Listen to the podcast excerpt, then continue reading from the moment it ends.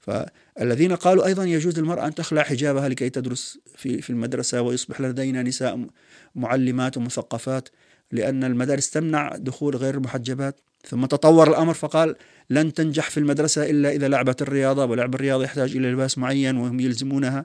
فقال نعم يجوز لها أن تنزع من ثيابها بحد القد حد الضرورة. ولا تتجاوز الضرورة والضرورة تقدر بقدرها. مع أن هذه الكلمة الضرورة تقدر بقدرها هذه للراسخين في العلم وليس للعوام. العوام كيف سيقدر الضرورة؟ طيب ووصل الأمر إلى إلى لباس السباحة. وصلنا يعني لماذا تريد أن تنزل بالأمة؟ لماذا تريد أن تنزل بالناس عن أصول الدين؟ وتنسف قاعدة أننا عبيد لله سبحانه وتعالى يتعبدنا بهذه الصعوبات ولا يتوصل إلى طاعة الله بمعصيته؟ لأجل مكاسب مادية.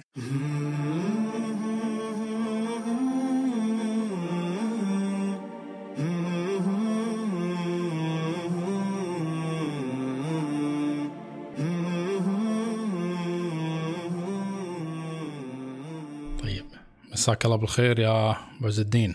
كيف حالك؟ حياكم الله بصالح الحمد لله. الله يبارك فيك. يا أهلا وسهلا عساك طيب. كيف حالك؟ بفضل الله عز وجل مشتاقون. ابو الدين انت صراحة ضيف مميز يعني. وبعد انت يعني مقدم قناة الواقية. فأنا جدا ترى يعني كثير أتابع يعني أسلوبك وأسئلتك وكيف تسأل وكذا. فجزاك الله خير على ما تقدم يعني. الله يبارك فيك. يعني نسأل الله سبحانه وتعالى أن يعيننا على طاعته. وإن شاء الله نقدم لدين الله عز وجل ما نستطيع. إن شاء الله إن شاء الله. أبو عز الدين الحين يعني بما أنك أنت بعد يعني أكيد مقدم وأكيد عارف الوضع في العالم الإسلامي. يعني إحنا نسمع بحروب عسكرية طاحنة. مثلا يعني آه، بين الدولة العثمانية وبريطانيا آه، ألمانيا وفرنسا ترى قتل فيها يعني أكثر من 10 10 ملايين إنسان يعني. حرب عالمية ثانية 50 مليون إنسان. آه، سمعنا عن حروب نووية مثل يعني هيروشيما وناكازاكي. قتل طبعا أكثر من 150 ألف إنسان. آه، نسمع عن يعني حروب اقتصادية بين أمريكا والصين. وبعد يعني قاعد الناس يخافون يقولون والله في هناك حرب عالمية ثالثة. فهل يعني هل هناك حروب من نوع آخر؟ هل يعني وأين تقع هذه الحروب؟ نعم. أنواع الحروب كثيرة. يعني أنت الآن تشير إلى عنوان اللقاء حرب المقاييس. نعم هناك حرب مقاييس شرسة جدا. مكانها العالم كله. طرفاها أو أطرافها متعددة لكن أبرز الطرفين المسلمين والحضارة الغربية. بمفاهيمها المختلفة. للأسف هذه الحرب شرسة بدرجة أن هناك ضحايا كثيرين. حتى حتى في الأمة الإسلامية لدينا خسائر. للأسف نخسر ليس فقط ماديا من سيطرة وهيمنة نتيجة هذه الحروب نتيجة نتيجة المقاييس نتيجة فشلنا في يعني الانتصار في معركة المقاييس أو فشل البعض. في مواضع معينة لكن نخسر مصير الإنسان. أنت ذكرت حروب مادية وعسكرية ونووية الخسائر فيها مادية وبشرية لكن نتحدث الآن عن خسائر في مصير الإنسان مصيره الذي خلقه الله سبحانه وتعالى لأجله. نعم هناك حروب من أشرس ما يكون في المقاييس. مقاييس كل يريد أن يفرض مقاييسه على الأفعال وعلى الأشياء على الصح والخطأ. آه الخير والشر. ما يجوز ما لا يجوز. آه ما الذي يصح أن نفعله ونجعله أولوية وما الذي يجب أن نبتعد عنه؟ حرب المقاييس من أشرس الحروب الموجودة حاليا. إذا أحببت أمثلة على ذلك لاحظ على سبيل المثال الغرب آه لديه عقيدته. نظر في آه، الكون. كانوا يؤمنون هم في في في بداية هذه الفكرة مصدر الفكرة الغربية جاءت من أوروبا حيث يوجد آه، سيادة أو انتشار العقيده النصرانية وسيطرة للكنيسة في ما يسمى بالعصور الوسطى آه، كان يؤمنون بوجود خالق بحسب تصورهم لهذا الخالق. ثم حصلت لديهم نزاعات ومشاكل داخلية. عندما احتكوا بالمسلمين احتكوا بعلوم المسلمين وبدأت آه، انتشار الثقافة والعلوم الإسلامية عند الغربيين. فصاروا ينظرون إلى أن الإسلام يعني جاء ب آه، أو مفكري الإسلام جاءوا بحقائق علمية عن الكون عن بداية الكون آه، عن بعض مسار الكرة الأرضية شكلها نتائج صناعات معينة. وجدوا أنها تتناقض مع ما تأتي فيه الكنيسة من من بعض الأفكار التي يظنها يعني البابوات وزعماء الكنيسة أنها يعني توافق الإنجيل وتوافق ما ورثوا عليه ابائهم فأصبح هناك تعارض ما بين حقائق علمية وبين الكنيسة. صارت الكنيسة تتهم كل من يأتي بفكرة علمية بأنه زنديق ومنهم من يعاقب ويقتل. أضف إلى ذلك أن هناك تسلط كان من قبل الحكام من قبل الكنيسة ردحا من الزمان ومن قبل الملوك باسم الكنيسة التي تعطيهم البركة. وتعطيهم الميثاقية والمشروعية ليحكموا فصاروا يحكمون باسم الرب لأن الكنيسة راضية عنهم ولا يجوز أن يخالف أحد حكم ذلك الحاكم وإلا يعني خرج من الملكوت وسيموت كافرا. فصارت هذه المسألة عقدة عند الناس كيف للخالق للدين أن يظلم؟ وكيف له أن يتناقض مع الحقائق؟ فبدأ موجة من إنكار الدين موجة من الإلحاد. جاء بعض الفلاسفة يريدون أن يدركوا الأمر. يعني إذا دخلت أوروبا في إلحاد الإلحاد ليس فيه مقاييس ليس فيه مقاييس بمعنى أخلاقية ليس فيه قيم ليس فيه صح وخطأ ليس فيه فلسفة قيمية يعني إنسانية لأنه مجرد إلحاد إنكار مادة. فأرادوا أن يدركوا الأمر قالوا لا يصح أن نبتعد عن الدين وإلا دمرت حياتنا وأصبحت جحيما. نبقي الدين في موضعه ولكن نجعل الإنسان هو الذي يحدد الصواب والخطأ أفصل. بالسياسة. أفصل الدين نعم. عن الحياة. بالسياسة بالاقتصاد. فهنا جاءت فكرة فصل الدين عن الحياة إبقاء الدين لكن نفصله عن الحياة. طيب عندما فصلوا الدين عن الحياة صار الإنسان هو المقياس. يعني صار هو ينظر ما الذي يناسبه ما الذي يريحه ما الذي يعتاد عليه يراه جيدا فيختاره وعادوا إلى فكرة المقياس. نعم. جعل جعل جعل جعل المقياس آه، أهواء الإنسان سنتحدث عن موضوع الهوى بالتفصيل لكن جعلوا الإنسان هني هني بس معلش ابو عزني يعني هني أنت قلت المقياس آه يعني سؤال يعني هو شنو المقياس المسلم؟ آه يعني صحيح. في في في فرق ما أدري أتوقع يعني في فرق بين أكيد. العقل والهوى والشرع جيد أنا اللي أعرفه إنه إذا صار يعني قلنا أن هذا والله الإنسان مقياسه نفسه أي أن عقله هو مقياسه. فما أدري نقدر نفرق بين العقل والهوى والشرع سنفرق. ضروري. أه لكن دعني أنهي المقدمة الأساسية الغرب. ليش مقاييس الغرب يريدها يعني يستعملها كحرب يريدنا أن نخضع لها ولماذا هي فاسدة وتشقي الإنسانية جميعا. جعلوا آه، فصلوا الدين عن الحياة وفصلوا الخالق قالوا الخالق خلق الكون كاملا ولم يعد له أن يتدخل فيه. وأعطوا مثال الساعة. قالوا من يصنع الساعة لا يأتي كل كل دقيقة ليحرك العقرب ويحرك عقرب الساعات وعقرب الثواني. هي تعمل وحدها. فقالوا الله أعطانا القدرة على أن نعرف الصح والخطأ. خلاص لا شأن له. حتى بعضهم يقول لا يعقل أن هذا الخالق العظيم يتدخل في شؤون الناس يقول لهم افعل ولا تفعل.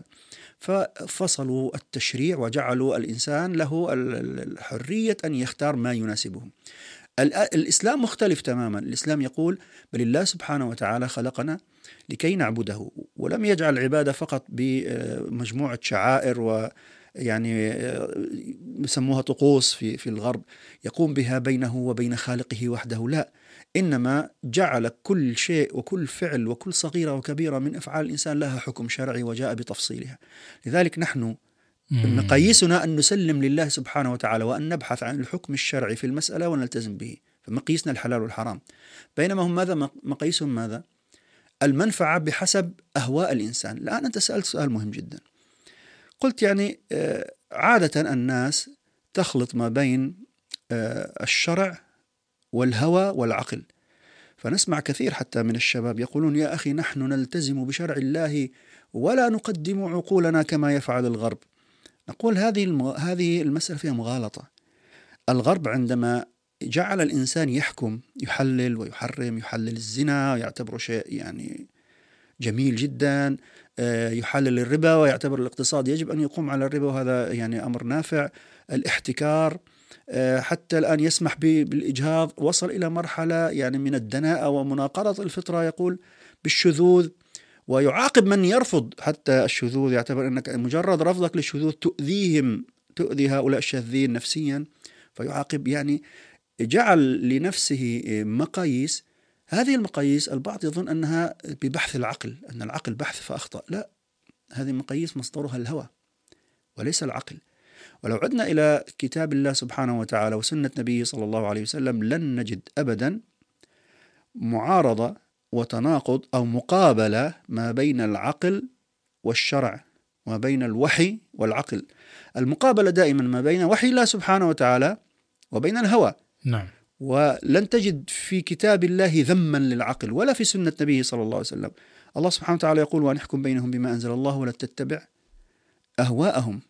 وكذبوا واتبعوا زين شلون نفسر إن أهواءهم؟ نعم. شلون نفسر؟ يعني بعض الكتاب يقولون لا تقدم العقل على النقل. جيد. شلون يعني نفسر الكلام هذا أبو... كيف كيف نفسر هذا الكلام؟ الآن آه حتى نفهم ماذا قصد بعض العلماء بتقديم العقل على النقل مع أن آه يعني هذه المعادلة نفسها خطأ. أن لا نقدم العقل على النقل. لأن العقل أصلا لا يتقدم على وحي الله. مع أنه هنا يعني أنا لاحظ استبدلت كلمة نقل بكلمة وحي الله. ليش؟ لأنه ليس كل ما نقل إلينا على أنه وحي هو وحي. يعني القرآن وصلنا كله بالتواتر.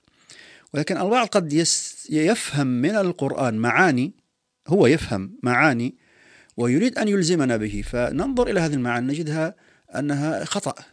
يعني مرفوضة فيقول لا تقدم عقلك على وحي الله. أنا ما قدمته على وحي الله قدمته على فهمك أنت. لذلك المفسرون والعلماء كانوا يردون على بعضهم بعضا ببحوث ببحوث يعني آه، يدخل العقل في تقييمها في تصحيحها. طيب آه، نعود إلى الجزء الثاني في في موضوع العقل وهو مسألة الشريعة. هل العقل أصلا يستطيع أن يعرف أن صلاة الظهر أربع ركعات أو خمس ركعات؟ أو الجمع بين أربع زوجات أو سبع زوجات أو زوجتين أو أن الخمر حرام يأثم شاربها ويستحق العقوبة أو أن الزنا يكون كذا وصفاته كذا والسرقة شروطها وأركانها لا قدرة للعقل على إدراك هذه القضايا التشريعية. فلذلك العلم... عليكم الجهاد؟ نعم. وهو كره لكم. أو كتب عليكم القتال وهو كره لكم. وعسى أن تكرهوا شيئا وهو خير لكم وعسى أن تحبوا شيئا وهو شر لكم. الله يعلم وأنتم لا تعلمون. فهذا الكره يعني نابع هذا نوع من العقل عقل الإنسان. لا لا هذا هذا لا علاقة له بالعقل ابتداء له علاقة بالغرائز الفطرية والميول الفطرية. الإنسان لا يحب أن يشقى أن يتعب أن يتعرض لقطع قطع أطرافه أن يبذل نعم. ماله نعم. بدل أن يعني يأتي بالطعام والشراب لعياله ويبني مساكن ويعيش عيشة طيبة مريحة يبذل هذا المال بالمتفجرات والقنابل والسيوف والرماح وتسفك الدماء هذا أمر فيه مشقة وتعب والناس تكره هذه المشقة المشقة وهذا التعب والتعرض للقتل وتعرض آه، الآخرين للخطر فهذا فيه فيه كراهة ولكن الله سبحانه وتعالى يخبرنا أن مآل هذا الأمر خير لأنه يرضي الله سبحانه وتعالى ودلنا في آيات أخرى عن حكمة معلش ممكن, ممكن نعم. بداية ممكن نعرف العقل طيب أو ممكن نعرف الهوى حتى نعم حتى نعرف آه، لماذا العلماء تكلموا في العقل وبعضهم قال لا نقدم العقل وبعضهم قال أصلا العقل لا يتقدم وتحدثوا عن درء تناقض العقل. يعني والنقل وحي الله سبحانه وتعالى وكونه لا يتناقض مع وحي الله ليس معناه بالضرورة أنه يتفق معه. قد يتفق في أمور وقد لا يتفق. حتى نفهم هذه المعادلة لابد أن نعرف العقل كما ذكرت نعرف الهوى ووحي الله معروف. العقل هو فعل مثل الإيمان. عندما نقول فلان عنده إيمان ليس معناه أن هناك كتلة بيضاء في صدره. إذا زاد إيمانه ليس معناه تضخمت هذه الكتلة. إذا نقص إيمانه أو ضعف ليس معناه صغرت. فعل الإيمان إما أن يقوى وإما أن يضعف. كذلك العقل. العقل فعل عملية عملية فعلية آه، يقوم بها الإنسان من خلال ربط معلومات جديدة جاءته بحواسه بمعلومات سابقة ومقاييس سابقة. قد تكون مجرد معلومات وقد تكون مقاييس يعني قد يكون تفكير آه، سطحي أو بسيط وقد يكون عميق. فيربط ما بين المعلومات الجديدة والقديمة فيستنتج حكما على واقع يستنبط حكما على واقع. هذه هي العملية العقلية.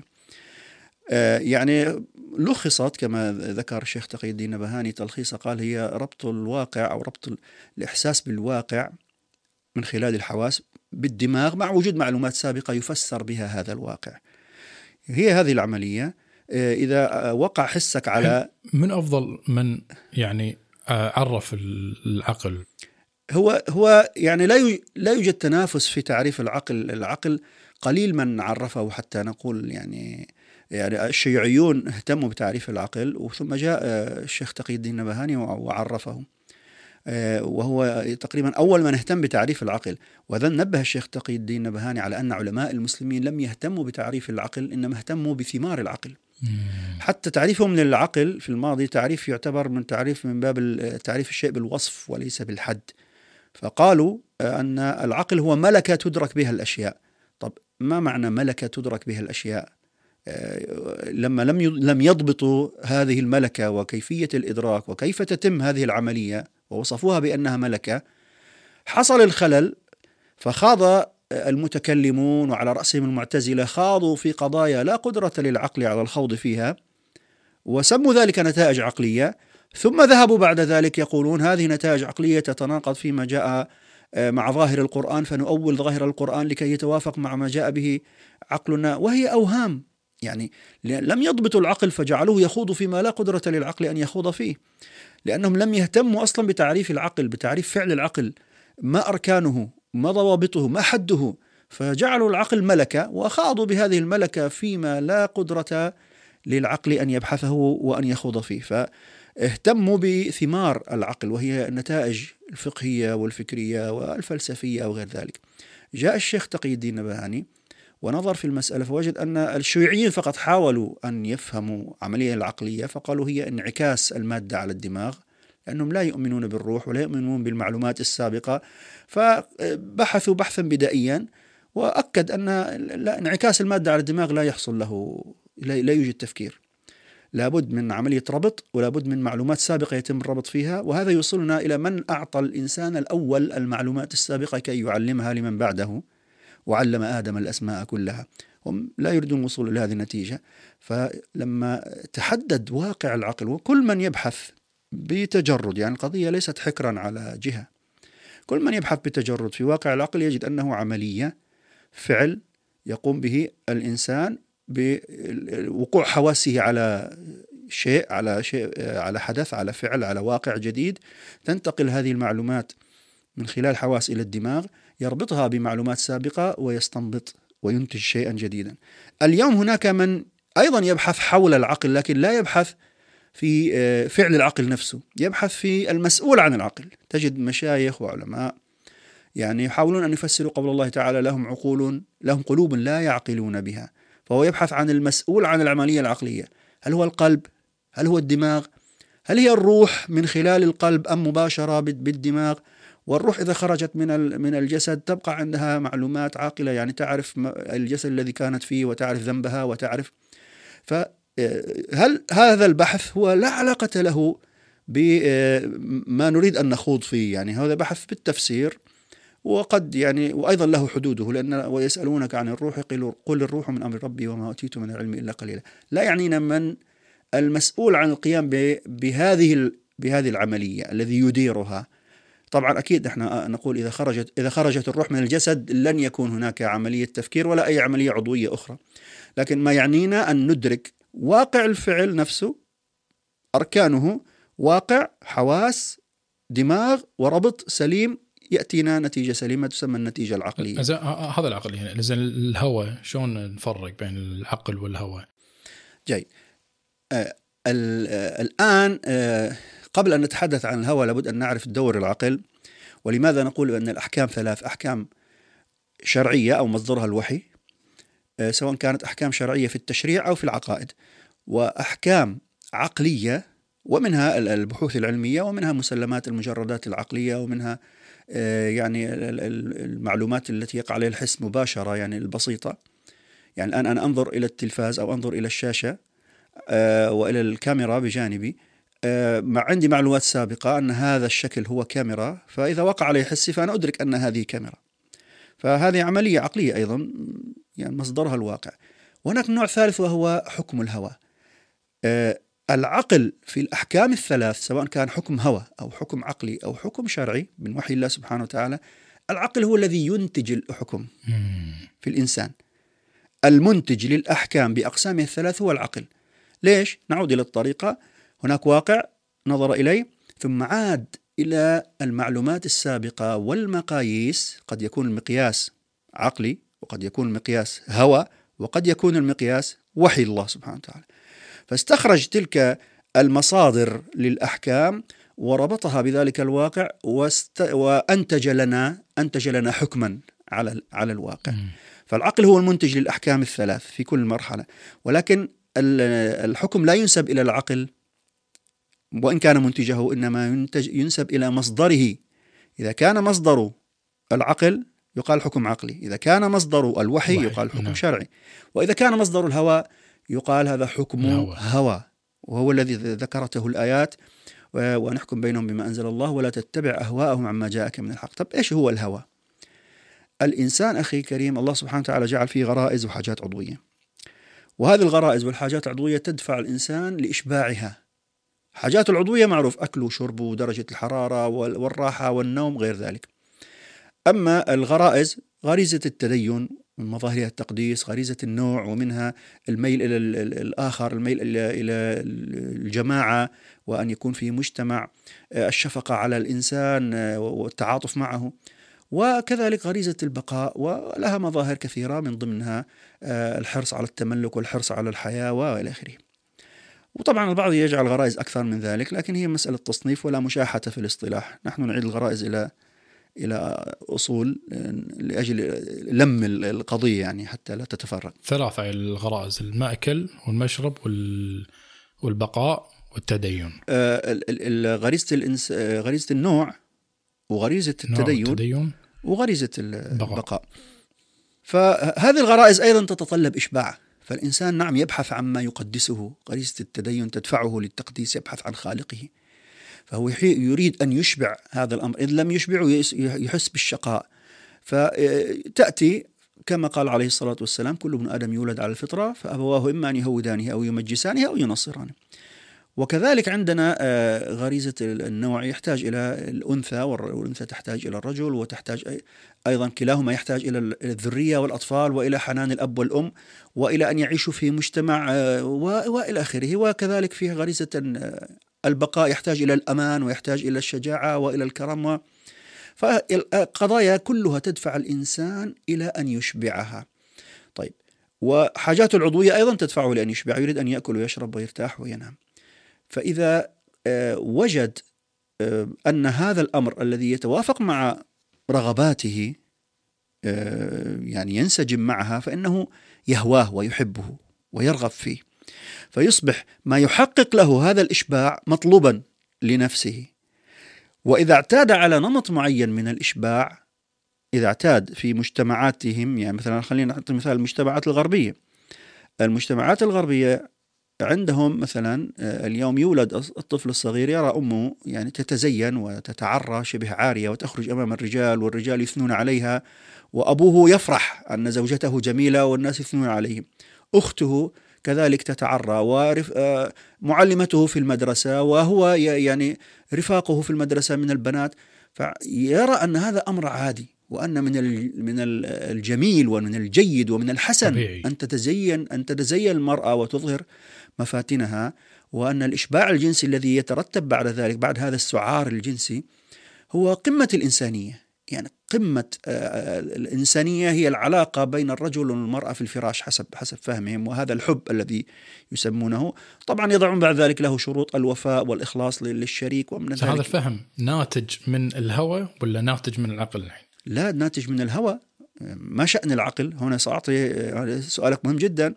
يعني هذه هذا الذي جعلوه من أن الزنا شيء جميل والزنا علاقة إنسانية راقية ولابد من تقنين الزنا وليس منعه والعقاب عليه بل أن الفتاة التي يعني تبلغ سن مثلا عشرين سنة ولم تمارس الجنس آه، ولم تزني ولم يكن لها علاقة غرامية تعتبر معقدة يعني تحتاج إلى إلى علاج يشفق يشفقون عليها.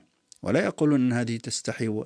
لأن لأنهم لما فصلوا الدين عن الحياة وفصلوا الحلال والحرام وجعلوا الحريات هي الأساس وجعلوا الإنسان حر طليق وأن إشباعه لغرائزه وحاجاته وإشباع الحاجات المادية هو الأساس عندهم. نعم. صارت هذه يعني عاداتهم وصاروا يهوى يهوون تلك العادات واعتادوا اعتادوا عليها حتى أصبحت هي المقياس. صارت عندهم هي المقياس.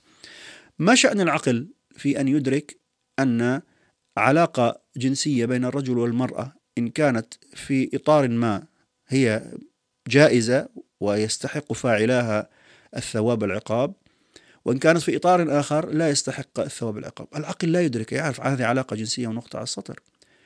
نحن في حتى لو جئنا مثلا بالإسلام نقول الزواج هذا هذه العلاقة بين الرجل والمرأة ضمن الزواج هي علاقة مباركة ويثنى عليها ويأتي الصالحون والأنبياء ويباركون لمن تزوج ويسألون الله سبحانه وتعالى لهم الذرية الصالحة ويحثون على الزواج ويا معشر الشباب تزوجوا. طيب في حين أن الزنا يستحق فاعله العقاب مع أن نفس العملية ستكون هنا وهناك. يأتي البعض يقول لك يا أخي لكن لكن هذه عملية فوضوية وهذه عملية منضبطة. طيب يمكن لشخص أن يتزوج امرأة يوم واحد ثم يجد أنها غير مناسبة ويطلقها يعني لا تبقى معه. تقضي عدتها ثم تنطلق وقد يتزوج امرأة ويسيء إليها ويعني لا يكون آه، خوش زوج كما كما تقولون عندكم بال نعم. لا يكون لا يكون حسنا في تعامله مع زوجته ومع ذلك يبقى حلالا وقد يتزوج أو قد يعاشر م. إنسان آه، كما هو موجود اليوم في الغرب المساكنة مع صديقته سنوات طويلة ويصبح بينهم أولاد ودون زواج ويعاملها أحسن معاملة وينفق عليها ويعطيها ويكلأها برعايته وحمايته أكثر مما يفعل ذلك الزوج مع زوجته.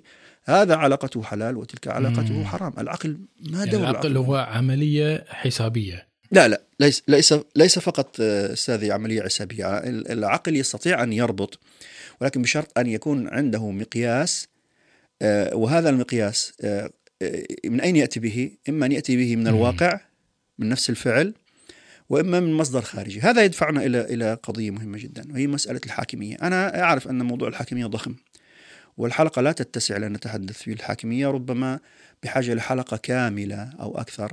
للحديث في هذا الموضوع. وهنا اسمح لي يعني أن يعني أعرض على مشاهديك أن يكتبوا لنا في التعليقات إذا أحبوا أن أن نجري حلقة في, في هذا الموضوع هو, يعني هو بعد البعض يقول أن نعم. مسألة الحاكمية والعقل والهوى يعني أبو عز الدين هذا ترى كبير وكذا فأنت شلون يعني تبي تبسط هذا الموضوع على العامة؟ هل ممكن أه يعني تبسط هذا صحيح صحيح. نعم. الآن نعم. يعني الآن سأخذ بعض إيجاز آه، إن شاء الله تعالى لكن مفهم وغير مخل.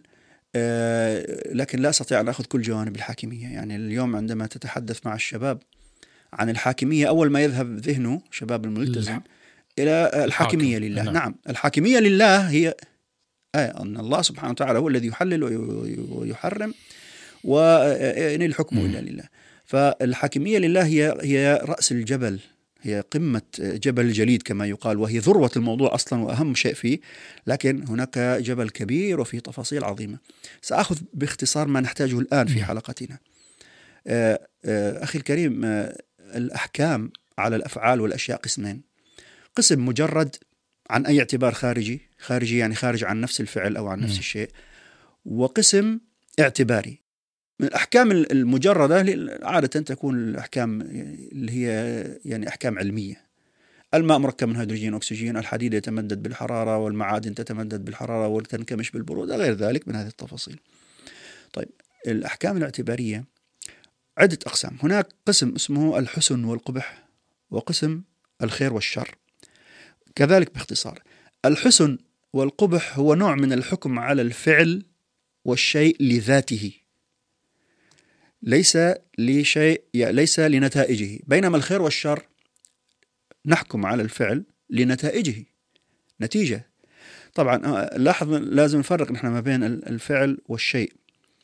آه، الفعل هي أعمال يقوم بها الإنسان يتصرف فيها بالأشياء وهي قد تكون أعمال مقصودة في نفسها كالبيع والشراء والقتل مثلا الصلاة والصيام. والجهاد والحكم هذه أفعال. بينما الأشياء الذهب والفضة الماء الخشب إلى آخره هذه أشياء. فلذلك لاحظ في الإسلام تجد الحكم على الأشياء الأصل في الأشياء الإباحة هو الذي سخر لكم ما في الأرض جميعا. فالأصل في الأشياء الإباحة ما لم يرد دليل التحريم. فهنا آه، الأفعال لا الأفعال تحتاج إلى أحكام. الأصل في الأفعال التقيد بالحكم الشرعي. آه، الأصل نعم. في الأفعال باق على أنه الأصل في الأفعال تقيد بالحكم الشرعي. لذلك لا تجد في كتب الفقهاء آه، مشروعية التفاحة مشروعية البطيخة مشروعية السيارة لا. هم يقولون مشروعية البيع مشروعية الشراء مشروعية الخلع مشروعية الإجارة مشروعية كذا ينظرون إلى مشروعية الفعل. لكن لا يبحثون بمشروعية الأفعال لأن لها أصل واحد وهو الأصل في الأشياء نعم. الإباحة. يبقى التصرف بالأشياء على الوجه الذي يتصرف بها. طيب نعود إلى النقطة اللي يتعلق ب آه، الحسن والقبح هو حكم على نفس الفعل آه، وبعض أقسام الحسن والقبح تحكم على الفعل وعلى الشيء بينما الخير والشر متعلق بإيش؟ بالأفعال. الأفعال. والخير والشر هو حكم على الفعل بناء على نتيجته. سأبدأ بالخير والشر ثم أعود للحسن والقبح. الخير إذا آه، عادة الناس في عرف الناس عموما عندما يجد أن فعلا من الأفعال نتيجته ترضيه تسعده يحبها يقول هذا خير. هذا خير نعم. وإذا وجد أن نتيجته تسوءه يقول هذا شر. فيصف الفعل بأنه شر. وبالتالي الفعل يعني بحسب نظرة الإنسان لاحظ هي هنا حكم اعتباري. بحسب ما يرضي الإنسان ويسخطه يقول عنه خير أو شر من ناحية النتيجة وليس لنفسه. طيب لماذا هذه التفرقة؟ سنأتي. مهمة التفرقة. بينما الحزن والقبح هو حكم على الفعل لذاته نفس الفعل. كيف؟ الحكم على الأفعال والأشياء بالحسن والقبح ثلاثة أقسام. القسم الأول هو حكم عليها من خلال إدراك الكمال والنقص الموجود فيها. فمثلا يقال بأن الصحة حسنة والمرض قبيح. آه أن تكون معك مال يعني غني مستغني حسن بينما الفقر قبيح. لماذا؟ لأنهم ينظر الإنسان إلى أن آه، وجود الصحة في الإنسان أكمل من وجود المرض. فالإنسان الصحيح يعني أعضاؤه سليمة تقوم بوظائفها التي خلقها الله سبحانه وتعالى لها آه، يستطيع أن يتحرك يستطيع أن ينهض بأعباء حياته. فهذا أحسن وأكمل من أن يكون مريضا. واعضاؤه لا تقوم بوظيفتها. فلاحظ هنا الحكم بهذا الباب الحسن والقبح من باب إدراك الكمال والنقص في الأشياء والأفعال. هنا يدخل فيه الأشياء كالمال والأعضاء وغير ذلك. يترتب أو ينبني ومصدره إدراك وظيفة الشيء في الوجود وبالتالي إدراك خواص الأشياء. فنحن نتكلم عن عن موضوع شبه علمي. من الواقع يخبرك يخبرك بأن الإنسان السليم الصحيح يستطيع أن يقوم بوظائفه التي يعني وجدت أفضل من الإنسان المريض. الغني الذي يملك يستطيع أن يشتري فالغنى أحسن من الفقر. تمام؟ فهذا باب من الأبواب. لكن لاحظ أن هذا الباب لا شأن له بالحلال والحرام والثواب والعقاب. فهذا الباب يستطيع العقل أن يدركه لأنه يفهم الواقع يعرف وظائف الأشياء في الوجود سواء حتى يعني وظيفة الأعضاء أو وظيفة الأشياء وكذلك يعني يدرك خواص الأشياء فبالتالي يعرف وظيفتها. القسم الثاني هو الحسن أو الحكم على على الأفعال وعلى الأشياء وكذلك هون يدخل فيها الأشياء الحكم عليها بالحسن والقبح من باب إدراك موافقتها لميول الإنسان الفطرية. سواء فطرة سليمة أو فطرة يعني آه، حرفت. ميول طباع الإنسان. فلاحظ أن الإنسان يقول أن آه، هذه آه، الصورة لوحة فنية حسنة وتلك اللوحة قبيحة. بناء على ماذا؟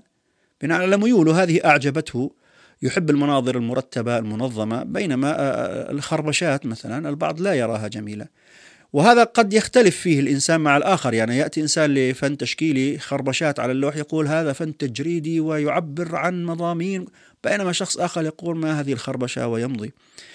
آه، قد يأتي إنسان مثلا يقول بأن آه، رائحة الجيفة نتنة كريهة قبيحة آه، ليست حسنة ورائحة العطور حسنة. طيب وهذا لاحظ أنه نحن نتحدث عن الحسن والقبح وهذا حكم اعتباري. هذا باعتبار من؟ باعتبار الإنسان. لأن الله سبحانه وتعالى فطرك على أن تبغض هذه الرائحة في الجيف كي تبتعد عنها كي لا تأكلها كي لا تتسمم وتموت. بينما الضباع مثلا وهي من الحيوانات الجلالة يعني الحيوانات التي التي تلم القمامة في في في في, الكوكب في الأرض. ولها هذه الوظيفة وظيفة يعني مهمة جدا خلقها الله سبحانه وتعالى لأجلها. لذلك جعل في فطرتها وجعل في غريزتها وفي طباعها أنها تعشق رائحة الجيفة. يعني ما تراه أنت رائحة منتنة قبيحة هي تراها حسنة. لأن هكذا ركب الله سبحانه وتعالى خياشيمها ومعدتها و فحتى علماء الحيوانات يرون أن الضباع تغسل وجهها تمرغ وجهها في في الجيف ورائحتها دائما. يعني رائحة جيف وهي يعني سعيدة جدا فرحانة تضحك بسبب هذا هذا الطعم. من حكمة الله سبحان الله سبحانه وتعالى سبحانه وتعالى أن جعل هذه الميول عند ذلك الضبع كي يحب هذه الرائحة. فلاحظ هنا أنت تستطيع أن تدرك والعقل يستطيع أن يدرك بناء على إدراكه لميول الإنسان أن هذا حسن وهذا قبيح هذا أحبه هذا لا أحبه. فالتحسين والتقبيح بناء على الميول الفطرية وميول الإنسان وطباعه أمر يستطيع أن يدركه العقل لأنه موجود فيه موجود يعني يفهم الواقع ويفهم نفسه يعرف ميولي ويعرف ميول الإنسان العامي نعم هذا هذا الأمر قد يختلف في بعض القضايا الجزئية ليس في كل التفاصيل. كأن تحب أنت مثلا آه، طبخة أو طعام ما وغيرك لا يحبه ويحب طعام آخر. ويصبح هناك تنافس. هناك من يقول يا أخي الشاورما أطيب من الهمبرجر. هناك من يقول لا العكس. فهي ترجع إلى اختلاف ما اعتاد عليه الإنسان من طعام أمه ومن طعام قومه فيصبح مقياسا عنده. ما اعتاد عليه فيرى أنه هو المقياس فيحسن ويقبح في هذا الباب بناء على ما اعتاد عليه. نأتي إلى القسم الأهم وهو التحسين والتقبيح من باب الثواب والعقاب والمدح والذم. يعني أن يحكم على الفعل وهنا الحكم هنا يأتي الأفعال فقط وليس للأشياء. فيحكم على الفعل بأنه من فعله يستحق الثواب ويستحق المدح ويحكم على فعل آخر بأن من فعله يستحق العقاب ويستحق الذم. فهذا الباب لا قدرة للعقل أن يدرك من خلال الفعل نفسه أنه يستحق الثواب والعقاب أو لا. أعطي مثال القتل القتل حسن أو قبيح؟ قبيح. طيب كيف قبيح؟ والله سبحانه وتعالى يأمر به. وقاتلوهم حتى لا تكون فتنة. والحكومات والدول بالعالم كله متفقين البشر على أن من يريد أن يعتدي على الآخرين ويقتلهم نجهز له جيشا ونقتله. وإعدامه وقتله لمنع شره يعتبر خير ويعتبر يعني ليس فقط خير ويعتبر حسن. طيب إذا القتل في حد ذاته ليس حسنا ولا قبيحا.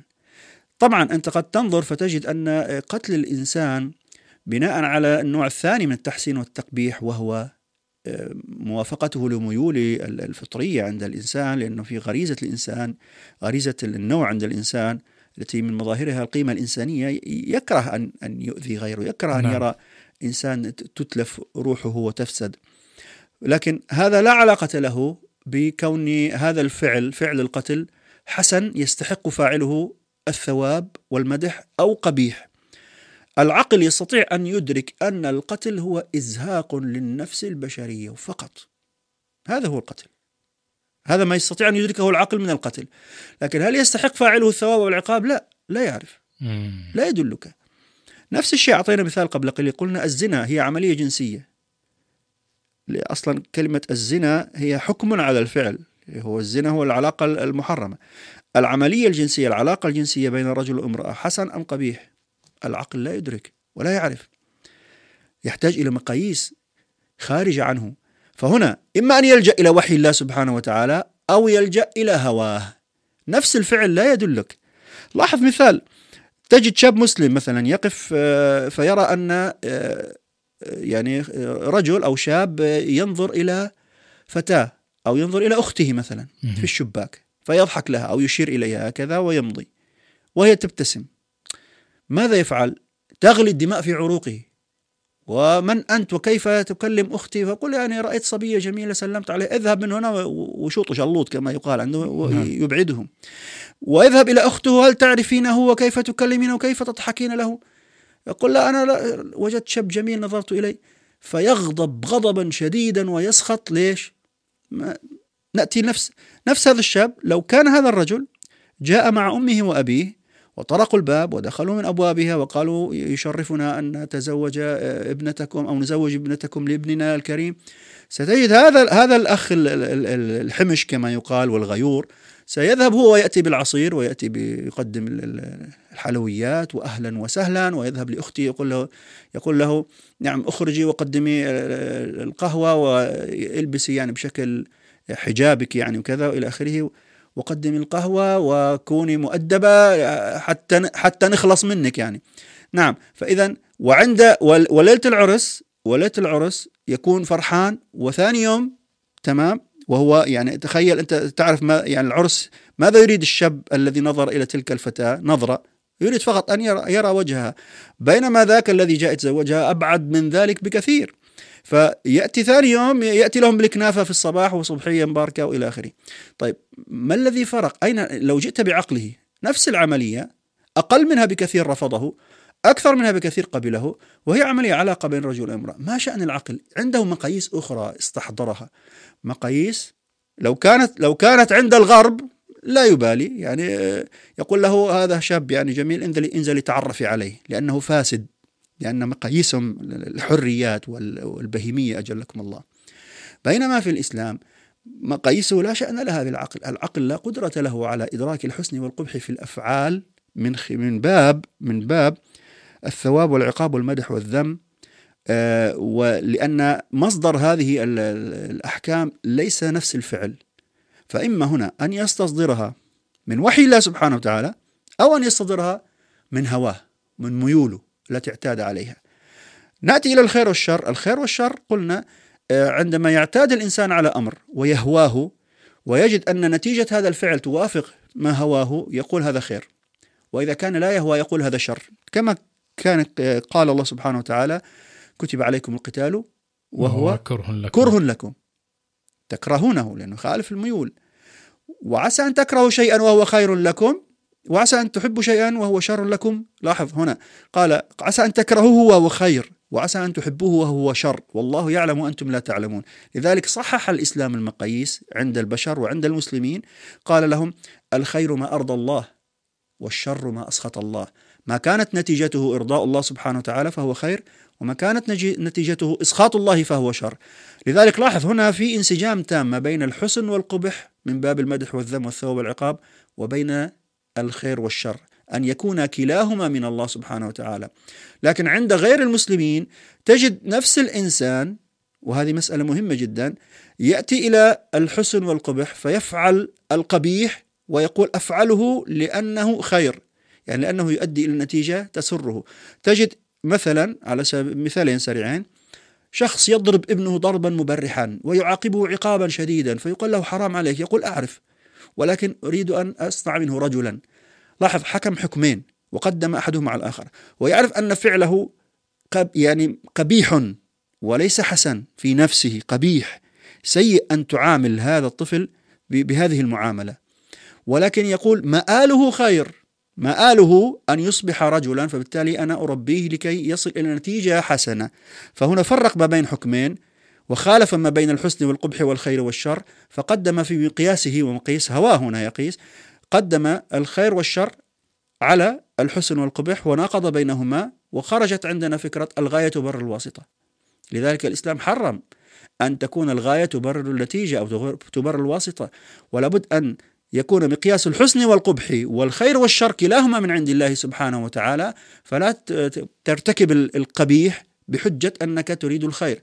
وهذا لا يندرج فقط على أفعال الإنسان آه، بل حتى على مستوى الدول ومستوى الجماعات. هناك حركات وجماعات إسلامية للأسف بين قوسين ترتكب الحرام الذي هو قبيح وفيه نص على حرمته يقولون لكن نريد تحقيق مقاصد الشارع سبحانه وتعالى وله نتيجة خير فيما بعد ويفصلون ما بين الخير والشر ويجعلون فهمهم للنتيجة أنها ترضي الله سبحانه وتعالى. كيف سترضي الله وهي مبنية على الحرام؟ قصة مشهورة يعني البعض ينسبها للأصمعي البعض ينسبها لسيدنا أبو حنيفة أنه كان يمشي في السوق ووجد لص يسرق. لحق به لعله يستتيبه. فقبل أن يدركه وجد أن اللص قد تصدق بما سرق فأمسك به قال له ما هذا الذي صنعت؟ سرقت ثم تصدقت بالذي سرقت. يعني أنا ظننتك جائع يعني تأخذه لنفسك أو طماع. تصدق قال هذه معاملة بيني وبين الله. سرقت فكتبت علي سيئة وتصدقت فكتبت لي عشر حسنات. فتذهب سيئة حسنة السيئة بحسنة وتبقى لي تسع حسنات. شوف المعادلة أنا أسمي هذا فقه اللص. فقه اللص أبو حنيفة أو الأصمعي. طيب فقال له سرقت فكتبت عليك سيئة وتصدقت فلم يكتب لك شيء لأن الله طيب لا يقبل إلا طيبا فلا تقل أن هذا أمر يرضي الله سبحانه وتعالى فهو خير أفعله حتى لو كان في نفسه قبيحا وفيه نصب حرمته. وهذا هذا المقياس يعني الذي يجب أن ندرك أن العقل يا أخي أبو صالح لا قدرة له على إدراك الحسن والقبح في في المدح والذم والثواب والعقاب وبالتالي لا قدرة له على إدراك التشريع. في باب التشريع العقل صفر. فالقول لا تقدم العقل على النقل في التشريع لا معنى له. لا معنى للحديث عن تقديم العقل على النقل. إنما يقال لا تحكموا بأهوائكم وتقدموا أهواءكم على شرع الله. وهذا الذي جاء به القرآن والسنة. قابل ما بين وحي الله والهوى. طيب فيما يتعلق بالعقيدة لأن الإسلام ليس فقط شرائع العقيدة. هناك مسائل العقل قادر على البحث فيها وقادر على إدراكها مثل إدراك وجود الخالق سبحانه وتعالى من خلال مخلوقاته لن ندخل في تفاصيل. إدراك أن القرآن كتاب الله وبالتالي محمد رسول الله صلى الله عليه وسلم لأنه كتاب معجز. هذه أدلة يستطيع العقل أن يدركها. ولكن غالبية العقيدة الإسلامية غيب لا يدل عليه شيء يعني ليس له أثر يدل عليه ويقع في الحس حتى يستدل على وجوده. الملائكة موجودون ولكن لا يوجد أثر الملائكة نستطيع إذا رأينا هذا الأثر أن نقطع أن هذا يدل على وجود الملائكة أو هذا أثر يدل على وجود الجن أو هذا أثر يدل على الجنة والنار. يعني شنو نعم. وظيفة العقل تجاه النصوص الشرعية الحين؟ ممتاز.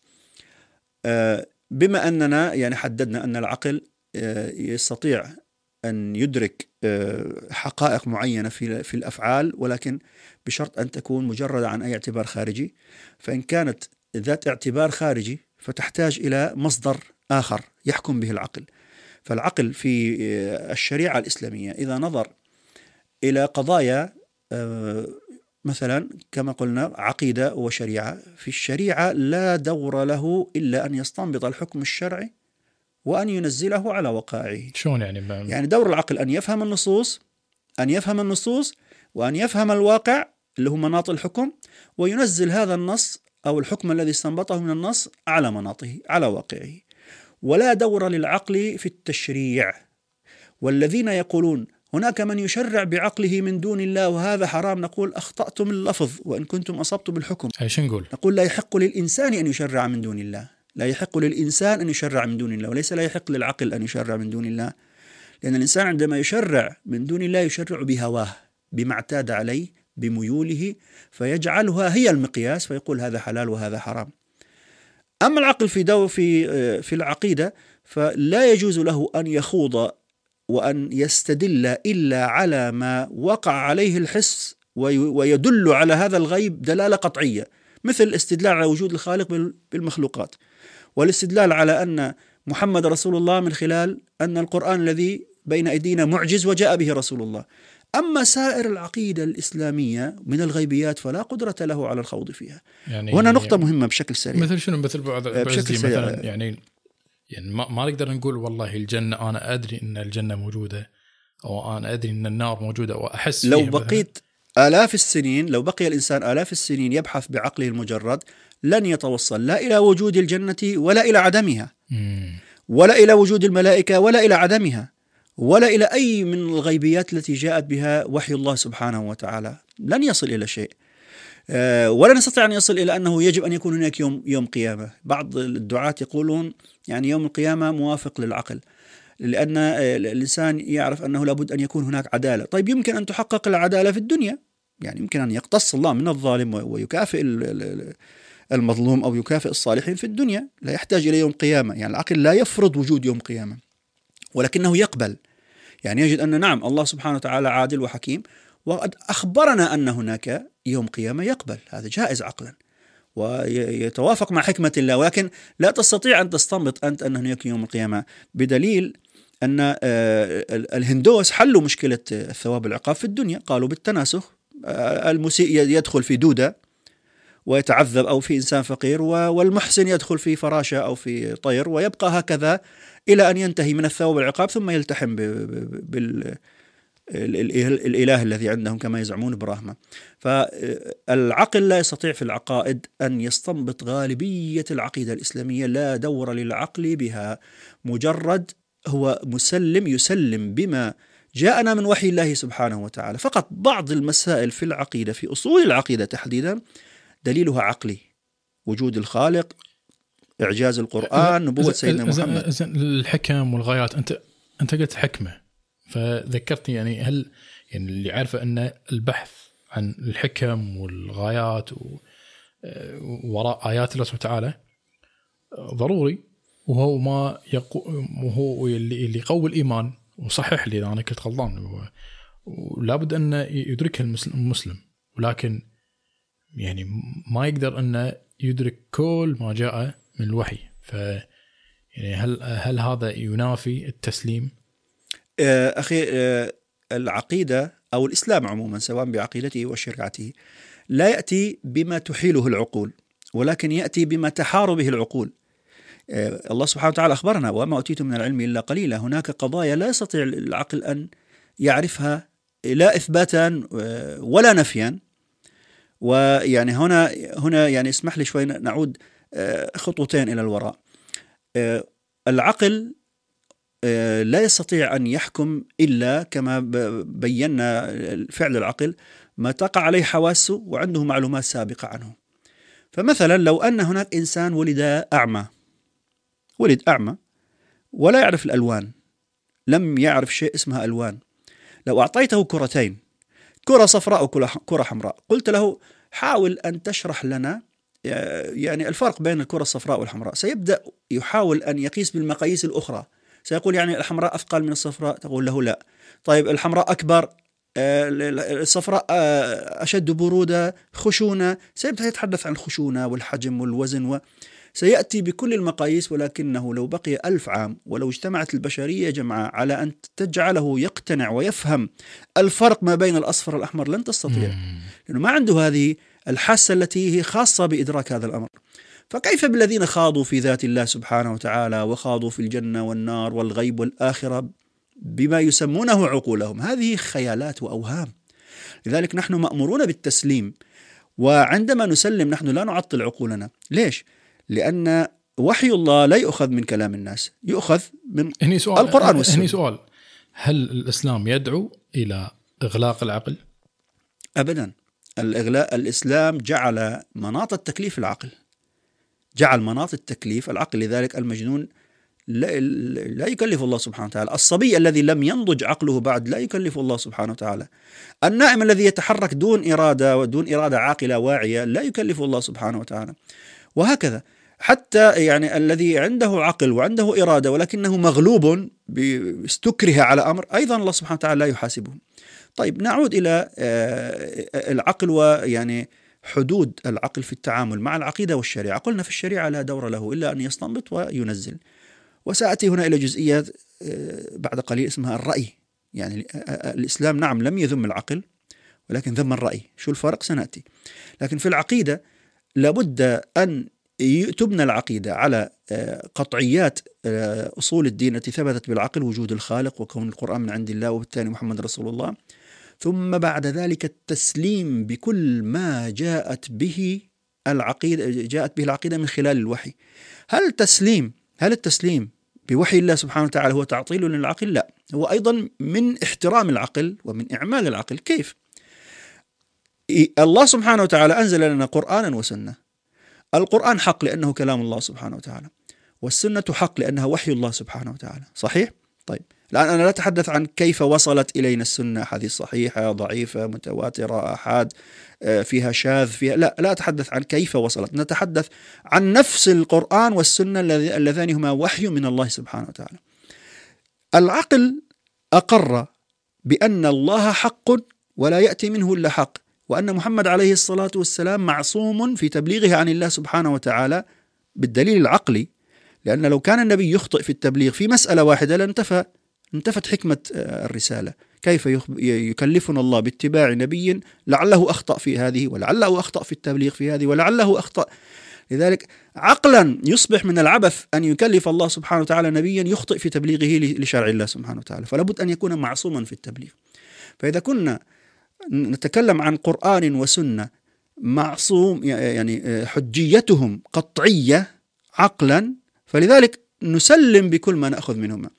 هنا هذه المسألة أن القرآن والسنة مصادر العقيدة الإسلامية حجيتها مبنية على العقل. يعني العقل اقتنع تماما بأن هذان المصدران القرآن والسنة حق لا يأتي منه باطل بالدليل العقلي. وليس بالتسليم إن وجدنا أباءنا على أمة. والله هذا الكتاب مقدس خذوا خذوا ما فيه. لا. لأنه كقرآن كلام الله وعندي دليل قاطع على أنه كلام الله. ولأن محمد عليه الصلاة والسلام لا ينطق عن الهوى وهو معصوم في تبليغه عن الله سبحانه وتعالى. وهنا لا ينطق عن الهوى هنا لا ينطق عن الهوى دليل ثاني ليس الدليل الأول. الدليل الأول عصمته الثابتة بالدليل العقلي. ولكن جاءت حتى جاء القرآن ليؤكد هذا الدليل وما ينطق عن الهوى إن هو إلا وحي يوحى. فالعقيدة الإسلامية لماذا هنا البعض يستغرب يقول كيف تقول العقيدة الإسلامية مبنية على العقل؟ نعم مبنية على العقل لأنها قسمان إما استدلال عقلي مباشر كأصول الدين قرآن عفوا وجود الخالق والقرآن من عند الله ومحمد رسول الله وإما عقائد سلمنا بها ولكن مصدرها حجيته مبنية على العقل. فهنا ليس معنى أن كل أدلة العقيدة يجب أن نبحث فيها بالعقل ونستدل عليها. لا غير صحيح. ما ما قدرة العقل أن يدرك أن هناك صراط وميزان وأن الإنسان الكافر يمشي على وجهه يوم القيامة وأن هناك عذاب أو نعيم في القبر. ما قدرة العقل أن ي... لا, لا إثباتا ولا نفيا.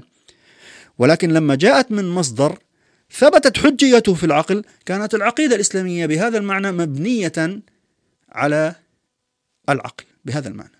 جميل جميل. آه, آه، ترى هذا يعني إن ارسطو عليه ما كلف ما كلف العقل إنه يفكر في هذه الأشياء في الغيبيات الجنه والنار ومثل ما ذكرت. يعني ترى هذا من رحمة الله سبحانه وتعالى. من رحمة الله سبحانه وتعالى عدم تكليف العقل بوظيفة ما يطيقها. اثنين يعني الله سبحانه وتعالى يعني آه يعني آه أكرمه بالوحي اللي يهديه إلى الطريق الصحيح. لأن عقل. الإنسان مخلوق فهو ناقص. محدود محدود بمحدودية آه، مصادره وبالتالي المعلومات السابقة. لاحظ الله سبحانه وتعالى ومحدود أيضا بمحدودية حواسه. لاحظ الله سبحانه وتعالى متكلم عن الروح ويسألونك عن الروح. قل الروح من أمر ربي وما اوتيتم من العلم إلا قليلا. الروح فيها إشكاليتان. حواسنا لم تقع عليها وما أعطينا معلومات سابقة. ولو أعطينا معلومات سابقة دون أن تقع حواسنا عليها لن نفهم. لن نفهمها يعني. لو لو لو أخبرنا الله عن الروح لن نفهم شيء لأنه ما وقع عليها الحس. فبالتالي لا نعرف ما الروح. فلذلك قال لا تبحثوا فيها وريحنا. الآن أنت قلت أن الله لم يكلفنا بالبحث في في الغيبيات والاستدلال المباشر على الغيبيات. نعم لن يكلفنا. هو يكلفنا بالتسليم بها. والله سبحانه وتعالى يعني يعلم أن العقل لا قدرة له على على على الخوض في هذه الأمور ولم يكلفنا حتى في التشريع إنما أمرنا بذلك ونهانا عن أن نشرع بأهوائنا ونص على ذلك في القرآن الكريم ونهانا أن نخوض بعقولنا في ذاته سبحانه وتعالى وفيما لا قدرة للإنسان أن يخوض فيه وهذا النهي بقول الرسول عليه الصلاة والسلام تفكروا في خلق الله ولا تفكروا في ذات الله فإنكم لن تدركوا قدره أو ولا تفكروا في ذات الله فتهلكوا. ونهى الصحابة عن ذلك ونهى العلماء والصالحون عن الخوض في ذات الله سبحانه وتعالى خلاف ما فعل المتكلمون وخاضوا وخاضوا وخاضوا ثم قالوا هذه نتائج عقلية وهي ليست إلا أوهام وليست نتائج عقلية. طيب آه، أنا أحب فقط آه، أن ننظر إلى دور العقل في التشريع. الإسلام أعطى العقل وكلف العقل أن يبحث ويستنبط والله سبحانه وتعالى أثنى على الذين أوتوا العلم. والرسول عليه الصلاة والسلام قال من يريد الله به خيرا يفقهه في الدين. طب هذا الفقه والفهم هو نوع من الاستنباط بالعقل من النصوص التشريعية. نستنبط من قول الله تعالى وأحل الله البيع وحرم الربا أن هذا حلال وهذا حرام. يسمونه اجتهاد هذا؟ آه، نعم هناك آه، يعني هناك استنباط قطعي فلا يحتاج إلى اجتهاد يعني ليست ظنية القطعيات. وهناك مسائل ظنية آه، توجد في في كثير من النصوص وغالبية النصوص في القرآن والسنة ظنية الدلالة يعني ظنية في دلالتها على على معناها أو على مراد القائل سبحانه وتعالى أو الرسول عليه الصلاة والسلام. وبالتالي يستنبط الفقيه منها دوره أن يفهم باللغة وبالملكات الأخرى والقواعد الأخرى. إدراكه معرفة للناسخ والمنسوخ ومعرفته لأسباب النزول ومعرفته يفسر القرآن بالقرآن يجمع ما بين النصوص استقراء كامل أو شبه كامل حتى يستنبط منها الأحكام ثم إذا نظر الأحكام ينزلها على الواقع. طيب لماذا ذم الإسلام ذم الرسول عليه الصلاة والسلام الرأي؟ وذم الصحابة الرأي مع أن الرسول عليه الصلاة والسلام أثنى على سيدنا آه، معاذ عندما آه، قال آه، برأيه قال سئل ما تحكم يا معاذ؟ إن عرضت لك مسألة قال أحكم بكتاب الله. قال إن لم تجد بكتاب الله قال فبسنة رسول الله. قال فإن لم تجد بسنة رسول الله قال أجتهد رأيي ولا آل. فضرب على صدره وقال الحمد لله الذي وفق رسول رسول الله لما يحبه الله ورسوله. طيب. شلون نوفق هناك نعم، كيف نوفق ما بين الثناء على الرأي وبين ذم الرأي؟ الرأي الرأي أصلا حتى نفهمه ليس تشريع الإنسان بعقله ابتداء. قلنا العقل لا يستطيع أن يشرع وليس تشريع طيب. الإنسان بهواه.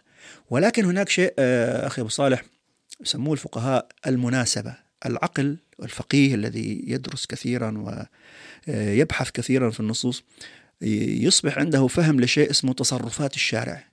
يعني الله سبحانه وتعالى لديه سنن في تشريعه يريد تحقيق أمور معينة، مقاصد معينة، غايات معينة، قيم معينة، فيستطيع أن يدرك أن هذا الأمر آه، فيه وصف مناسب لتصرف الشارع، مناسب لأن يكون مرادا لله سبحانه وتعالى.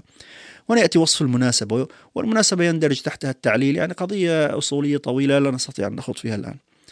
طيب الإفراط في استعمال المناسبة هو الرأي المذموم. مثال سيدنا علي بن أبي طالب أنكر على آه، الذين يعني آه، جعلوا الدين كله بالرأي وليس أنه لا يجوز أن أن يرى أو ينظر إلى المناسبة ويستعمل. سيدنا معاذ قال ذلك اجتهد رأيي ولا آله وهذا قالوا دليل على القياس. ينظر إلى المناسبة مثلا في قول الله سبحانه وتعالى إذا نودي للصلاة من يوم الجمعة فاسعوا إلى ذكر الله وذروا البيع. لماذا أمر الله سبحانه وتعالى بترك البيع؟ لأنه ملهن.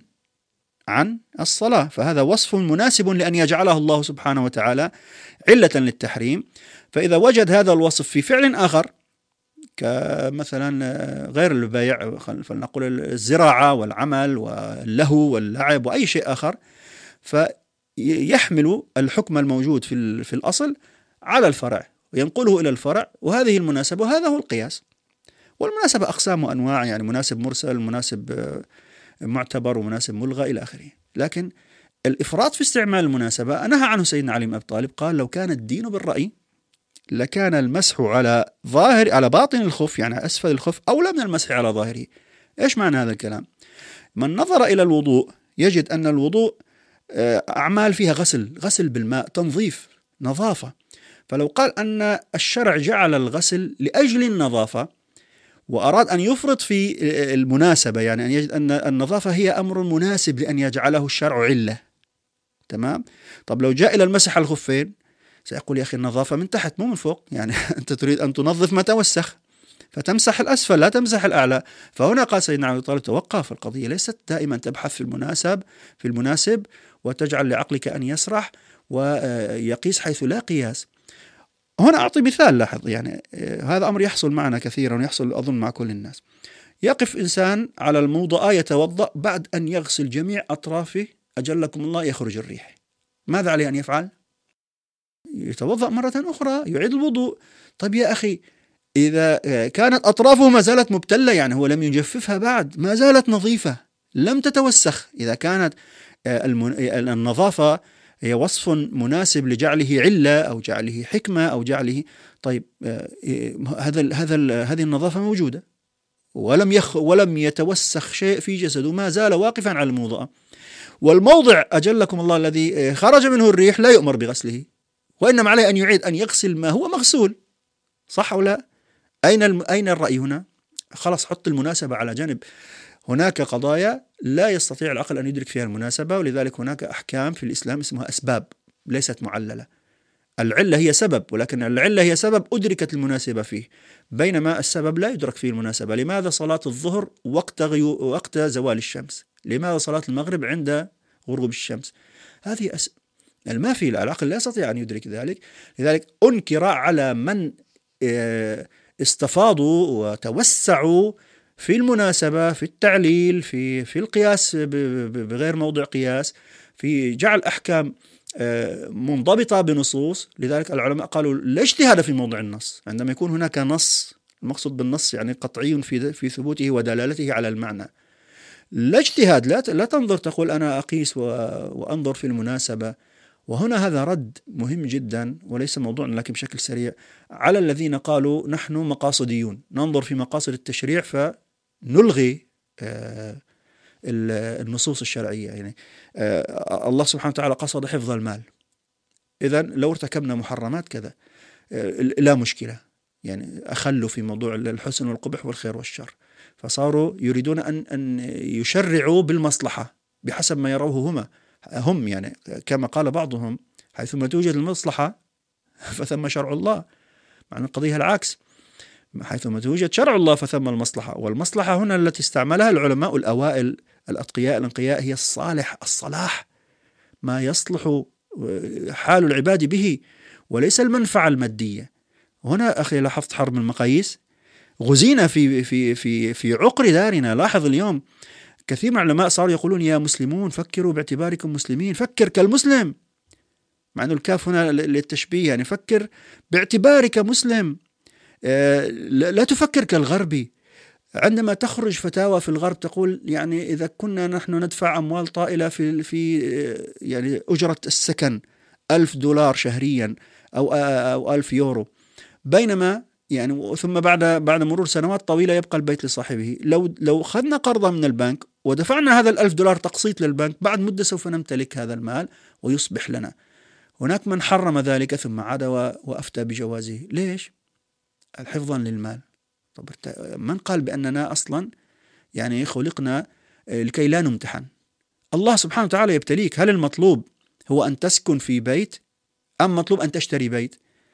إذا كانت يتحقق شراء يتحقق آه، السكن السكنة في البيت وستر عرضك وستر نفسك وحماية نفسك من البرد يتحقق بالشراء يتحقق عفوا بالإجارة فلا يجوز لك أن تشتري بالربا. يعني متى يجوز أن يأخذ الإنسان الربا لكي يسكن؟ إذا يعني وهذه نظرية يعني فرض المحال ليس بالمحال لكن إذا وجد في مكان لا يقبل أحد أن يؤجره وسوف يبقى بالعراء هو وزوجته وأولاده لا مجال لأحد أن يقرضه بالحلال ولم يبقى مجال إلا أن يأخذ بالربا نقول نعم يجوز لأنه سيهلك سيموت. هنا الضرورات تبيح المحظورات أما غير ذلك لا.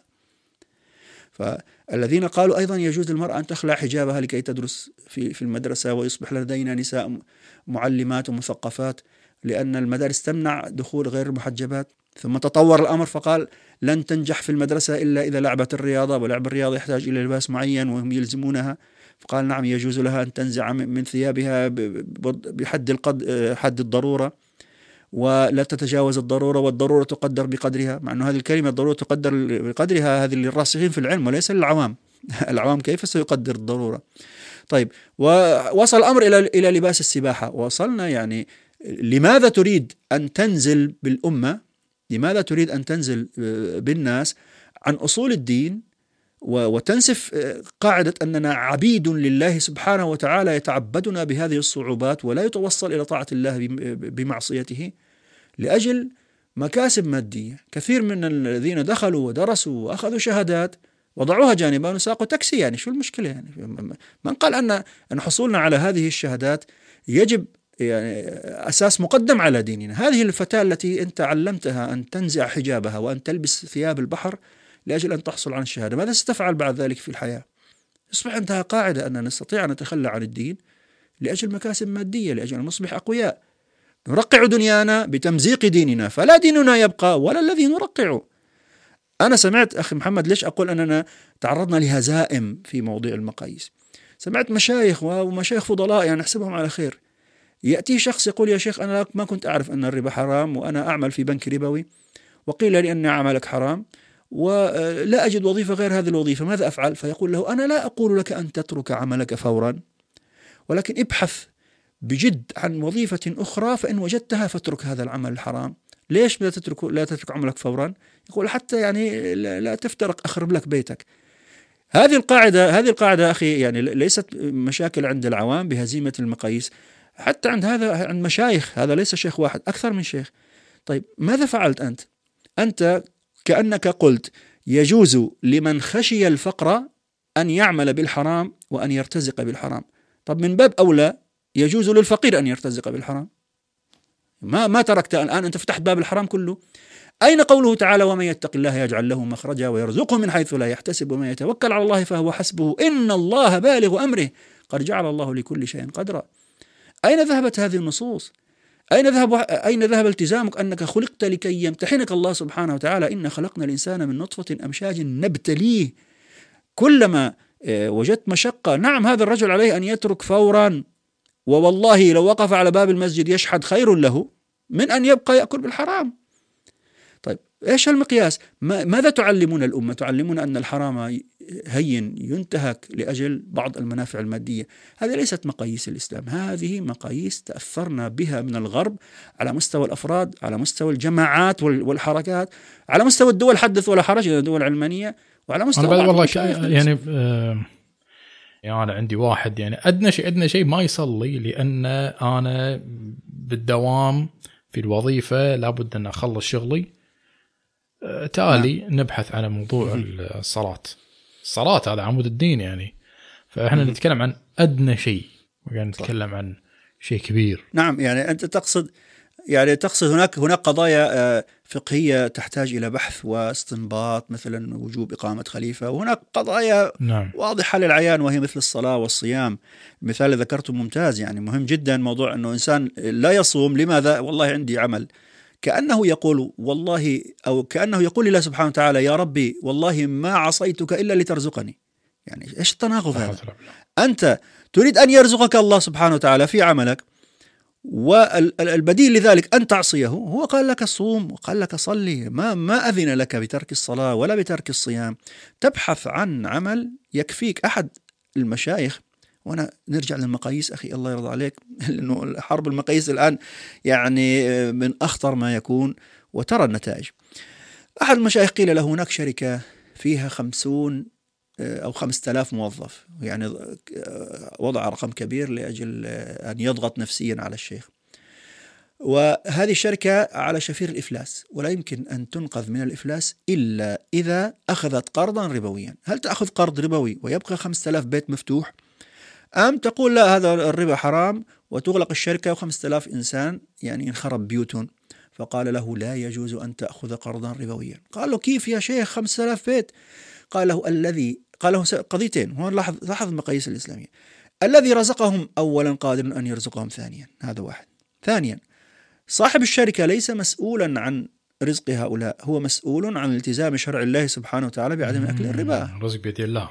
يعني المقاييس أخي لاحظ المقاييس كيف كيف يعني تجعل ما بين مسلم يفكر باعتباره مسلم وبين إنسان منحرف.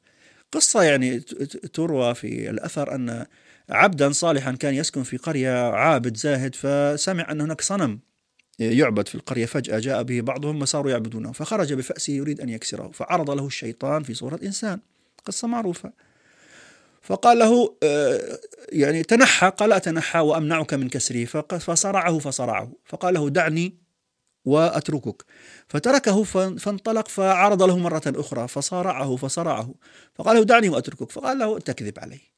يعني أول مرة ثاني مرة تكذب. علي الآن لا يعني حتى أهلكك. فقال له دعني وأدلك على عمل خير من ذلك. تريد أن تكسر صنم؟ هذا عمل تقوم به مرة واحدة وينتهي. ولكن آتيك كل يوم على عتبة بيتك بدينار أو بذهب تنفقه على الفقراء. فحسبها حسبة رأسمالية وليست حسبة الإسلام. قالها أترك هذا العمل. أجر واحد على طريقة آه، حرامي آه، أبو حنيفة. ثم أتصدق في كل يوم بصدقة ترضي الله سبحانه وتعالى. فعاد إلى بيته وفعلا وجد أول يوم ثاني يوم ثالث يوم يجد المال يتصدق به ففي يوم الرابع لم يجده فغضب وأخذ فأسه وانطلق فعرض له الشيطان فتصارع معه فصرعه الشيطان. فالقصة يقولون قال له كيف صرعتك ثلاث مرات والآن أنت تصرعني؟ قال كانت غضبتك لله فصرعتني الآن غضبتك للمال فصرعتك. وأنا أزيد أقول كان في طاعة كان في طاعة يريد أن يقوم بفرض وهو أن يكسر ذلك الصنم. لما غير وصار في سنة يريد أن يأخذ يعني يتصدق على الفقراء. الله ما كلفك أن تتصدق على الفقراء وأن يعني أن تذهب وتبحث عن مصدر للمال يعني بناء على ترك فريضة ثم تتصدق على الفقراء. بينما كلفك أن تكسر ذلك الصنم. فمعصية الله سبحانه وتعالى جعلته يهزم. وهنا العلماء تكلموا في بيت شعر. يقولون فيه يا كافلة الأيتام من كسب فرجها لك الويل لا تزني ولا تتصدقي. ما حد طلب منك أنك تتصدقي. إذا كان المقابل أن تقومي بمعصية الله عز وجل لا يتوصل إلى طاعة الله سبحانه وتعالى بمعصيته لا على مستوى الأفراد ولا الجماعات ولا الدول. جميل. إذن هناك يعني في شبهة أبو عز الدين يعني مو النبي صلى الله عليه وسلم قال الإثم ما حاك في نفسك وكرهت أن يطلع عليه الناس. هذه شبهة يقولون الناس أن ممكن إحنا نحتكم ب يعني هوانا أو عقلنا أو في حديث آخر أو استفتي نعم. قلبك. فهذه شلون نرد على الشبهة؟ طيب. الإثم ما حاك في الصدر وكرهت أن يطلع عليه الناس. استفت قلبك وإن أفتاك الناس وأفتوك. هذا الحديث لا علاقة له بأن يشرع الإنسان من دون الله. هذا الحديث يتحدث فيه الرسول عليه الصلاة والسلام عن آه، النفس اللوامة المنضبطة بوحي الله وشرعه. وهذه النفسية توجد بوجود الفقه والعلم والدين أن يجعل الإنسان آه، مصادر أحكامه في الحلال والحرام وحي الله سبحانه وتعالى يعني في التحسين والتقبيح من باب الثواب والعقاب والمدح والذم وفي الخير والشر مصادرها وحي الله سبحانه وتعالى. ويوجد في بيئة صالحة تعينه على هذا الفهم ثم تأتيه مسألة فيها شبهة قد تكون حلال وقد تكون حرام. هو يعني يغلب على ظنه أنه حرام. فيأتيه أناس يقول له لا هي حلال. ولكن في صدره شيء يعني لا, لا ليس مرتاحا لإفتائهم بالحلال. الرسول عليه الصلاة والسلام يقول له دع ما يريبك إلى ما لا يريبك. بشرط أن يكون مقياسك سليم مقياسك صحيح. أنت عندك شبهة أنها حرام تتركه. وإن أفتاك الناس وأفتوك ولو قال لك يعني؟ أنه حلال. شنو يعني الحديث؟ ما يريبك. الريبة الريبة هي الشيء آه، المخيف المتشكك فيه شيء ترتاب له مش مش محتاج يعني لست متيقنا منه. آه، يعني الريبة يعني قد قد تكون في في أمور مادية يرتاب الإنسان من مؤامرة عليه وقد تكون في الأمور الفكرية هذه. أنت ترتاب في آه، أن هذا حلال أم حرام؟ لأن الوقوع في الحرام مشكلة. الرسول عليه الصلاة والسلام يقول من اتقى الشبهات فقد استبرأ لدينه وعرضه. ومن وقع في الشبهات فقد وقع في الحرام. كالراعي يرعى حول الحمى يوشك أن يقع فيه. فتبتعد عن الشبهات وتترك هذا الأمر. وهنا آه، النفس اللوامة التي قال عليه الصلاة والسلام عنها الإثم ما حاك في صدرك وكرهت أن يطلع عليه الناس. التقوى ها هنا وأشار إلى صدره. فإذا آه، إذا كرهت أنت الآن أن تفعل فعل أن تقوم بفعل معين وتستحي من الناس أن يروك. ومن الناس الذين تستحي منهم؟ الفضلاء. لأن الإنسان الفاسق في البيئة الفاسقة يعني يتفنن في إظهار المعصية حتى يفرح به الفسقة أمثاله. فالموضوع إذا يتحدث عن أهل الصلاح وعن أهل الخير. لاحظ أن الموضوع متعلق بالمجتمع المسلم. هناك شيء اسمه في الإسلام العرف. والعرف يجب أن يكون منضبطا بوحي الله سبحانه وتعالى. وهذا ما أخبر به النبي عليه الصلاة والسلام لا يؤمن أحدكم حتى يكون هواه تبعا لما جئت به. يصبح نعم يصبح الهوى تبع لشرع الله سبحانه وتعالى. وهذا ما أخبر الله سبحانه وتعالى عنه في القرآن. اعلموا واعلموا أن فيكم رسول الله لو يطيعكم في كثير من الأمر لعنتم ولكن الله حبب إليكم الإيمان وزينه في قلوبكم وكره إليكم الكفر والفسوق والعصيان. فيصبح هذا هو النمط العيش الطبيعي عند المسلمين. ال- ال- الخير وال- والصلاح والطاعة هي الأصل والإثم يستحى منه ويخجل منه. والنبي عليه الصلاة والسلام أيضا أورد في هذا من أثر الأنبياء أنه مما كان من أثر النبوة أنه إن لم تستحي أو إذا لم تستحي فاصنع ما شئت. وفسر على تفسيرين إذا لم تستحي يعني وجدت أن هذا الأمر لا يستحى منه افعله. وعلى معنى آخر إذا فقدت الحياء ساعتها افعل ما تشاء لأنه لن يضبطك شيء لن يحجزك عن ذلك شيء. ويعني نقطة أخيرة الرسول عليه الصلاة والسلام حذر في آه، مسألة الأمر المعروف أو نبه في أمر المعروف والنهي عن المنكر آه، بوجوب تغييره فقال من رأى منكم منكرا فليغيره بيده يبتدأ باليد فإن لم يستطع فبلسانه فإن لم يستطع بقلبه فبقلبه وذلك أضعف الإيمان. طيب لماذا بدأ باليد؟ ليش؟ المنكر يجب أن يكون في بلاد المسلمين في الدولة الإسلامية في الحياة الإسلامية من الهزالة والضعف ويعني الخنوع بحيث يستطيع أن يغير أي إنسان بيده. ولا يستطيع صاحب المنكر أن يقف في وجهك بل لعله يقول لك جزاك الله خير والله أنا كنت أريد أن أتخلص من المنكر وترددت. الله يبارك فيك. فمن رأى منكرا فليغيره بيده. فإن لم يستطع يعود إلى إيش؟ بلسانه. جميل. لاحظ الأصل في البيئة الصالحة أن يكون مستطيع لتغيير المنكر بكل سهولة. اليوم عندما تقرأ في كتب العلماء عن طريقة تغيير المنكر تجدها عكسية. يقول لك ابدأ أول شيء باللسان بالكلمة الطيبة شوي شوي حاول أنك لا ترفع صوتك حاول تستق ليه؟ لأنه صار الباطل هو الأساس. فأنت تريد أن تعالج بالطريقة العكسية. آه، فنسأل الله سبحانه وتعالى العافية. لا ال- هوى الإنسان نفس الإنسان ليس هو المصدر. آه، هذا هذا الفكرة موجودة عند الغرب. على فكرة يعني يسمح لي شوي استطراد عندهم شيء اسمه. الضمير. نحن في اللغة العربية لدينا الضمير الضمائر اللي هي ضمائر المخاطب وضمائر الرفع وإلى آخره. باللغة الضمير عندهم هو ما تجده في نفسك من ميولك. فعنده الطبيب الذي يرى أن هناك مريض يعاني معاناة شديدة ويكاد أن يموت ولا يموت وهو سوف يموت. يعني يعني لا يمكن إنقاذه وسيبقى يتعذب حتى يموت. فضميره يدفعه لأن يقتله قتلا رحيما. ليش؟ لأنه هو لا يؤمن بآخرة ولا يؤمن بثواب وعقاب ولا يؤمن بتكليف. بينما المسلم يقول لا الله سبحانه وتعالى أرحم بعباده منا ولعله يعذبه كي يخفف عنه من سيئاته فيموت وليس عليه ذنب أو خفف عنه. فلا لا يجوز أن تقتله ضميرك لا يسمح لك أن تقتله. بينما ضميره هو يسمحه يسمح له أن يقتله. لأنه مقاييسه مقاييسه تختلف. مقياسك غير مقياسه.